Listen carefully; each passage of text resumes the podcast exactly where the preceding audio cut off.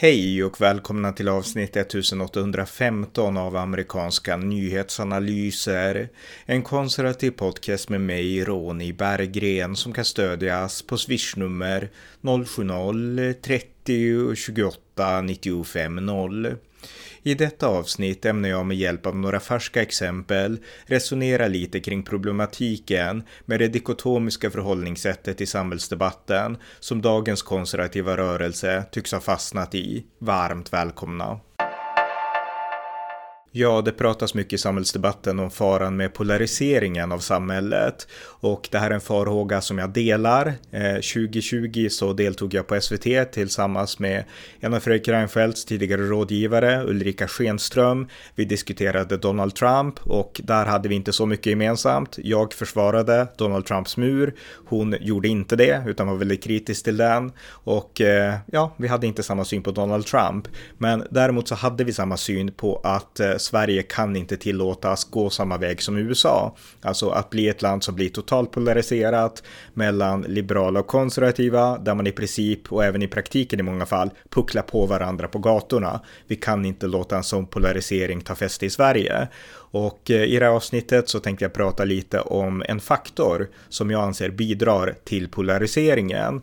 Och eh, det är dikotomin i samhällsdebatten och eh, det dikotomiska tänkande som jag anser främst präglar den konservativa rörelsen. Inte enbart och jag kommer att ge kritik även mot vänstern, men eftersom jag själv är konservativ och höger så tycker jag att det är viktigare för mig åtminstone att idga självkritik och eh, påpeka vad som är fel eller vad som är bristande på högersidan. Sen att vänstern ofta är fel och att liksom vänsterdebattörer, oavsett om vi pratar om Annika Strandhäll eller vänsterliberaler som Annie Lööf, att de inte kan debattera, det är liksom old news, det vet vi redan.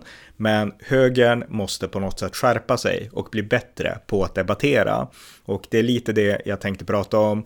Och eh, jag tänkte ta utgångspunkt utifrån några saker som har flödat förbi nyheterna och som högern har tagit sig an de senaste dagarna. Och eh, jag tänkte börja med att utgå från ett inslag som jag såg med Tucker Carlson på Fox News tidigare idag. Och eh, Tucker Carlson, han har ju fått ta del av filmmaterialet, övervakningskamerorna från upploppen den 6 januari 2021, stormningen av Kapitolium. Eh, det materialet har Tucker Carlson fått från Republikanernas nya Speaker of the House, Kevin McCarthy. Eh, Tucker Carlson och hans team har gått igenom de här hundratals övervakningsfilmerna och eh, i inslaget så målade Tucker Carlson upp en bild som han menar visar att det officiella narrativet av den 6 januari 2021 inte stämmer. Det officiella narrativet, sa Tucker Carlson, som ni nu har sett spelas på nyheterna återkommande i två års tid om att det var en fruktansvärd stormning och en insurrection. Ehm, det motsägs av det filmmaterial jag har fått ta del av. Därför att filmmaterialet visar att väldigt många var fredliga och att de gick omkring fredligt där inne. Till och med den mest kända av liksom de som gick in på Kapitolium. Den här shamanen med björnskinn och tjurhorn. Eh, till och med han gick omkring fredligt och han guidades till och med omkring av en vakt där inne på Kapitolium. Eh, förklarade Tucker Carlson. Och han målade med det upp det här dikotomiska förhållningssättet mellan sitt perspektiv, det fredliga, kontra det officiella och i hans värld och falska narrativet av att det var en stormning och en insurrection, ett, ett upplopp. Och eh, det här är ett falskt dilemma skulle jag säga som han erbjuder tittarna. Därför att sanningen är att eh, det är mer komplicerat än så. Om vi börjar med just Tucker Carlsons egen bild, att många var fredliga vid stormningen av Kapitolium, att majoriteten var fredlig, det är ingen nyhet. Det är liksom, det är gamla nyheter. Alla som hängde med där och då visste att de var fredliga. Jag hängde med i detalj i allt som föregick stormningen av Kapitolium. Jag skrev mängder av texter, debatterade, alltså mängder av timmar med otaliga människor och eh, dagen under stormningen hängde jag med live i alla live-feed som fanns. Jag intervjuade en av personerna som var på plats, eh, en journalist som heter Brendan Gutenschwager, han som filmade skjutningen av Ashley Babbitt, finns på amerikanska nyhetsanalysers poddarkiv. Dagen efter stormningen så intervjuades jag på SVT den 7 januari 2021 och eh, då fick jag frågan om står inte Donald Trump för de här våldsamheterna? Och eh, jag tillstod att Donald Trump hade ansvar för det som hände, för han var ytterst ansvarig såklart i egenskap av president. Det var han som hade församlat massorna och det var han som hade blåst upp de här valfusk-konspirationsteorierna och eh, fått människor att komma dit med sitt MAGA-rally. Så att han var ansvarig. Men däremot så fastslog jag att Donald Trump står inte för våld. Alltså Trump-anhängarna är aldrig våldsamma. Det vet alla som har följt Trumps rallyn. Och eh, jag har själv aldrig varit på Trump-rally, men jag känner ju många som har det. Och de berättar alla samma sak, att det är alltid fredligt och jättegod stämning. Och alla som hängt med vet att det var ju vänsteraktivister, Antifa, som attackerade Trump-anhängare jämt och ständigt, i synnerhet 2016, men även 2020. När de kom ut från Trump-rallyn så blev de överfallna av Antifa. Så att eh, det är inte Trump som står för våldet eh, i grund och botten, det vet alla. Så att eh, vad jag vill få sagt är att det Tucker Carlson kommer med det är gamla nyheter. Alltså, det finns förvisso ett medienarrativ drivet från vänster, precis på det sätt som Tucker Carlson framställer det, att medienarrativet visar att det var våldsamt och alla Trump-anhängare är våldsamma. Det finns från vänsterkanten och det är ett eh, falskt narrativ från deras håll, en halmgubbe, det är felaktigt, på samma sätt som narrativet om att Trump skulle ha samarbetat med Ryssland och var en rysk spion var felaktigt och på samma sätt som att eh, pratet om Hunter Bidens laptop, the laptop from hell, att det skulle ha varit någon slags rysk psyop. Det var också felaktigt för laptopen fanns. Så att det är inget snack om den saken. Men eh, det är liksom inte det som en samhällsdebattör bör ta utgångspunkten i. Han bör ta utgångspunkt inte i narrativet utan i sanningen. För sanningen är följande. Eh, de här bilderna som Tucker Carlson visar på alla fredliga där inne, dels är det gamla nyheter, men det finns också en förklaring till varför till exempel den här shamanen vart omkring guidad av en vakt. Och eh, även när det här skedde så var det många som påpekade, titta vakterna öppnar staketen, de släpper in dem. Eh, det här visar ju att det är liksom, det är fredligt och det är inte alls som, som media säger. Men sanningen är, och det här vet vi ju mycket väl idag, för vakterna har låtit sig intervjuas och förhöras och så vidare. Att eh, vakterna kände att det här går inte att stoppa. De har ingen rätt att komma in i Kapitolium. Men vad ska vi göra när tusentals människor stormar Kapitolium? Vi har inga vapen, vi är väldigt få. Eh, vi måste försöka med lågaffektivt bemötande, alltså att avdramatisera och se till att det inte eskalerar till våld. Så att man öppnade, man försökte guida, man försökte avstyra våld. Det var liksom det som var tanken bakom hur vakterna agerade. Och eh, Tucker Carlson får det nästan att framstå som att det här var liksom en ömsesidig, liksom, det här gör vi ömsesidigt, eh, ni är på en turistguidningstur liksom. Och det var ju inte så den 6 januari. Så att det han lyfter fram det är liksom, det är ett falskt dilemma. Han menar att mainstream media, de har målat ett narrativ och det är felaktigt, för titta här, de här är fredliga. Men liksom sanningen är att det är mer komplicerat än så och det är det som inte framkommer. Och den här formen av sätt att debattera är dikotomiskt, det, det kan appliceras på många andra eh, ämnen. Ett annat färskt aktuellt ämne nu, det är såklart coronaviruset och dess uppkomst i ett labb i Kina. Mycket tyder nu på att det var i ett laboratorium i Kina, det var därifrån det kom och eh, det här avfärdades ju felaktigt som en konspirationsteori under alla Trump-åren. Trump lekte med den här teorin och alla sa att åh, det är en konspirationsteori, titta Trump, du snackar skit igen liksom. Och eh, Ehm, ja, det var överdrifter och det var felaktigt. Men att det var felaktigt, liksom att avfärda labbteorin, det betyder inte att alla, liksom allt avfärdande av coronan, alltså de som inte tror på vaccin och de som helt var emot alla former av munskydd, det betyder inte att de har rätt. Precis som det inte betyder att de har rätt som ville gå för långt med det här, alltså bara ha totala lockdowns och totala liksom munskydd överallt och polisiära åtgärder om man inte hade munskydd. Jag menar, de gjorde också fel. Så att det finns många fel fel och en stor politisering av den här debatten. Och allt det här, alla de här avarterna, det beror på att man debatterar utifrån narrativ, de här polariserande narrativen, snarare än bara ta sanningen som utgångspunkt och försöka nysta ut vad var det som hände, vad innebär det? Istället för att göra det så liksom hookar man upp sig till det narrativ som man känner sig mest eh, eh som man mest identifierar sig med.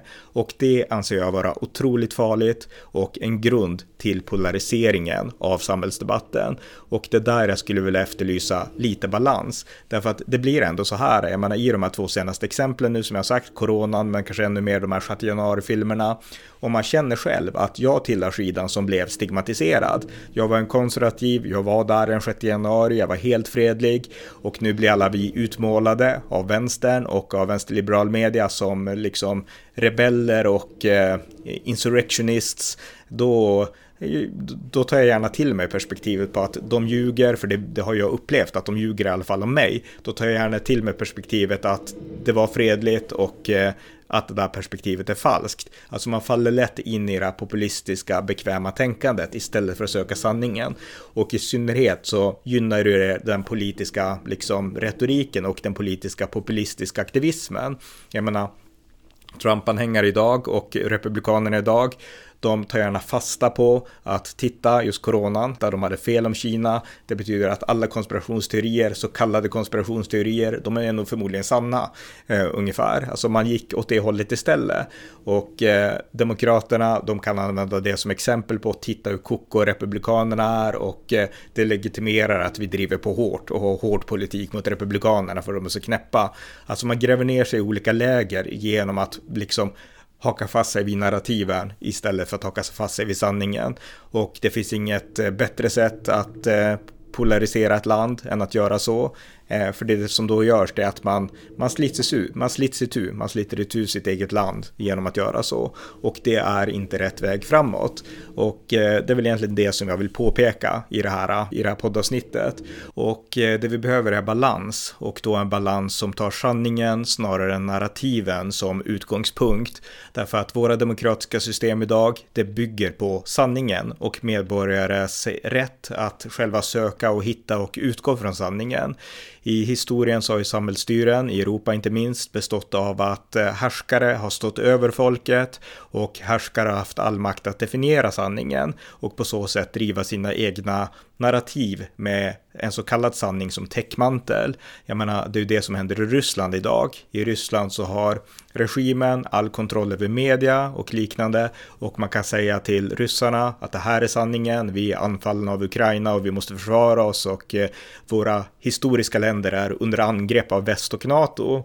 Och det här är inte sanningen, utan det är ett falskt narrativ beklätt med någon slags, eh, ja, med en falsk sanning som, som, som cover, som täckmantel.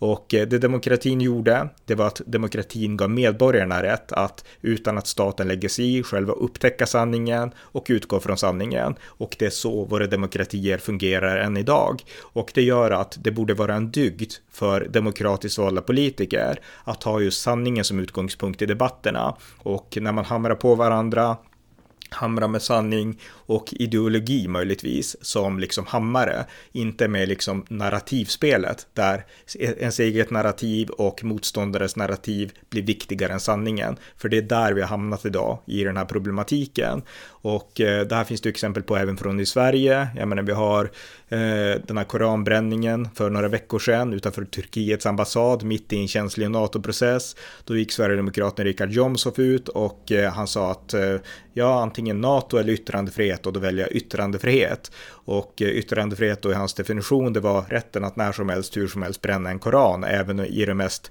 känsliga av säkerhetspolitiska lägen. Eh, och eh, det här är också ett eh, dikotomiskt uppmålande av, av tillvaron som spelar populistiskt mot de egna kärnväljarna men som liksom utgår från narrativ, inte sanningen i princip. Och eh, jag menar, det är likadant i USA. Antingen gränsen mot Ukraina eller gränsen mot Mexiko och då blir det ju naturligt och eh, det är lätt att vädja populistiskt till de egna väljarna för att dikotomin gör valet så enkelt. Då väljer vi gränsen mot Mexiko. Den är viktigare än gränsen mot Ukraina, trots att sanningen är mer komplex. Så att jag menar, vi kan inte fortsätta så här, utan ska våra demokratiska samhällen hålla samman så måste vi börja operera utifrån sanningen mer än utifrån narrativen. Vi måste undvika det här dikotomiska tänkandet som jag under lång tid har iakttagit och eh, med ja, med visst bekymmer sett växa fram, framförallt på högerkanten. Och eh, det betyder såklart inte att vänstern är oskyldiga, de gör fel hela tiden. Vänsterns klassiska fel är att man ljuger om högern. Jag menar i Trump så har vi Russiagate, vi har eh, inte minst det här med Charlottesville, det som hände där 2017 med upploppen när Trump utmålades som någon form av rasist och KKK, trots att han inte var det utan han ville bara försvara USAs historiska statyer. Och eh, man ljög om det och hade det som utgångspunkt för att Trump var rasist. Så att vänstern ljuger hela tiden och det är likadant i Sverige där man ljuger hela tiden. Men det betyder inte att eh, deras lögner på något sätt rättfärdigar eller legitimerar egna felaktigheter. Och jag menar, ett, ett praktexempel på det här i Sverige, det är ju till exempel vänstern men även högerns behandling av Sverigedemokraterna. Där finns det ett reellt, ett faktiskt problem i grund och botten, problemet med massinvandring. Det här är ett problem som alla erkänner finns idag i princip. Men under lång tid så hade ju de etablerade partierna inställningen att eftersom Sverigedemokraterna driver och påpekar problemen med massinvandringen, då gör vi tvärtom. Därför att man utgick bara från narrativet. Det är Sverigedemokraternas narrativ, strunta i sanningen, vi har inte deras narrativ utan vi kör vårt eget narrativ. Det är ju så oppositionen, alltså både på höger och vänstersidan i Sverige har gjort i två årtionden, där man har definierat sin egen politik utifrån Sverigedemokraterna, istället för, för att bara kallt och krasst betrakta sanningen, sanningen om massinvandringen, nämligen att vi har problem här, men det har man inte sett för att man har opererat ur narrativ. Och nu finns risken att högern börjar göra samma sak, operera bara utifrån narrativ. Titta, vänstern säger så, det är fel liksom. Istället för att utgå från sanningen. Så att för att hålla ihop våra samhällen, för att avrunda och sammanfatta, så måste vi få balans. Och balans kan vi bara få om vi börjar utgå lite mer från sanningen. Och det är oavsett om sanningen pekar i liksom mot oss eller åt ett annat håll. Sanningen måste bli grunden. Det är bara så vi kan få balansen. Så att, eh, ja, det var det jag ville ha sagt med det här poddavsnittet som jag hoppas ni har fått ut lite av. Mindre dikotomiskt tänkande. Tack för att ni har lyssnat till amerikanska nyhetsanalyser. Det intellektuella konservativa alternativet i en populistisk vänsterliberal miljö som kan stödjas på swishnummer 070-30 28 95 0 eller via hemsidan på Paypal, Patreon eller bankkonto. Skänk också gärna en donation till valfri Ukraina-insamling som ni har förtroende för. Allt gott tills nästa gång. Thank you.